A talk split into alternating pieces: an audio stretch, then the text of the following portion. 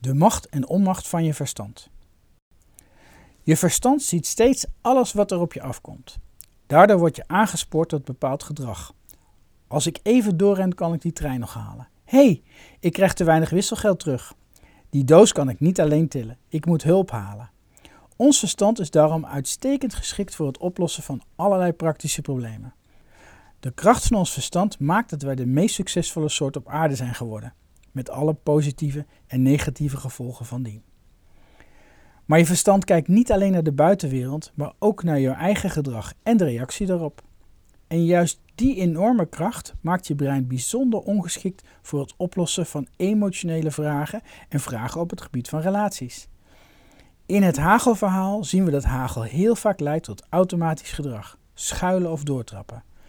En we zien dat die twee op lange termijn geen oplossing bieden. Je hagel gaat er niet mee weg en langdurig schuilen of doortrappen levert je eigenlijk alleen maar meer last op.